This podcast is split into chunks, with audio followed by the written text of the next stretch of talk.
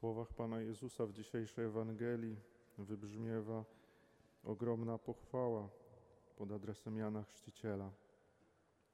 Pan Jezus mówi, że między narodzonymi z niewiast nie powstał większy niż On. Wszyscy kojarzymy tę postać, wiemy kim był Jan Chrzciciel. Wiemy, że to był ten, który bezpośrednio przygotowywał na przyjście Chrystusa. To był ten, który bezpośrednio go poprzedzał. Znamy jego rolę, wiemy, że rzeczywiście bardzo duża, znacząca postać w historii zbawienia i Pan Jezus wyraża się o nim dzisiaj właśnie w taki sposób, że między narodzonymi z niewiast nie ma większego niż Jan Chrzciciel. E, ale zaraz w kolejnym zdaniu pojawiają się takie słowa Pana Jezusa, w których mówi, że najmniejszy w Królestwie Niebieskim większy jest niż On.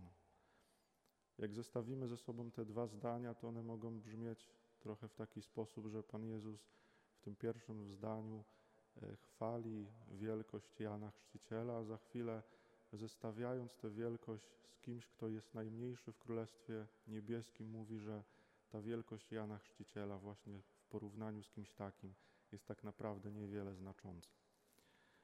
Jak rozumieć te słowa Pana Jezusa, które mogą nam się wydawać e, w pewien sposób ze sobą sprzeczne?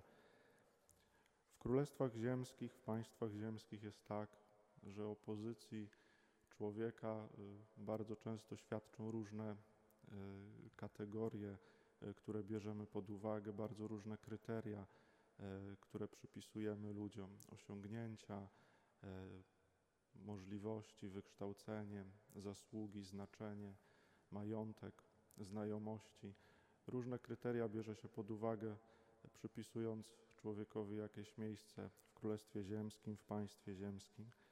Tymczasem w Królestwie Niebieskim jest zupełnie inaczej. Ta wielkość w Królestwie Niebieskim, o której Pan Jezus dzisiaj mówi, wynika z wielkości Chrystusa. Dlatego najmniejszy w Królestwie Niebieskim jest większy niż Jan Chrzciciel. Dlatego, że ta wielkość kogoś, kto jest w Królestwie Niebieskim, bierze się z wielkości Chrystusa. Przyjście Chrystusa, przyjście Mesjasza, na którego czekamy, wiąże się z odkryciem, z objawieniem na nowo prawdy o nas samych, prawdy o naszej wielkości. Mesjasz, kiedy przychodzi, odkrywa i objawia przed nami prawdę o naszej wielkości, że możemy pomyśleć o sobie właśnie w taki sposób, jak Pan Jezus e, mówi w dzisiejszej Ewangelii. I to jest dobra nowina, że nasza prawdziwa wielkość nie bierze się z takich kryteriów, które bierzemy pod uwagę w naszym ziemskim życiu, funkcjonowaniu, tylko nasza prawdziwa wielkość bierze się z wielkości Chrystusa. Że Mesjasz, kiedy przychodzi, e, odkrywa przed nami prawdę o naszej wielkości. E, I za to dzisiaj możemy Panu Bogu dziękować, za to, że, że możemy popatrzeć na siebie właśnie w taki sposób.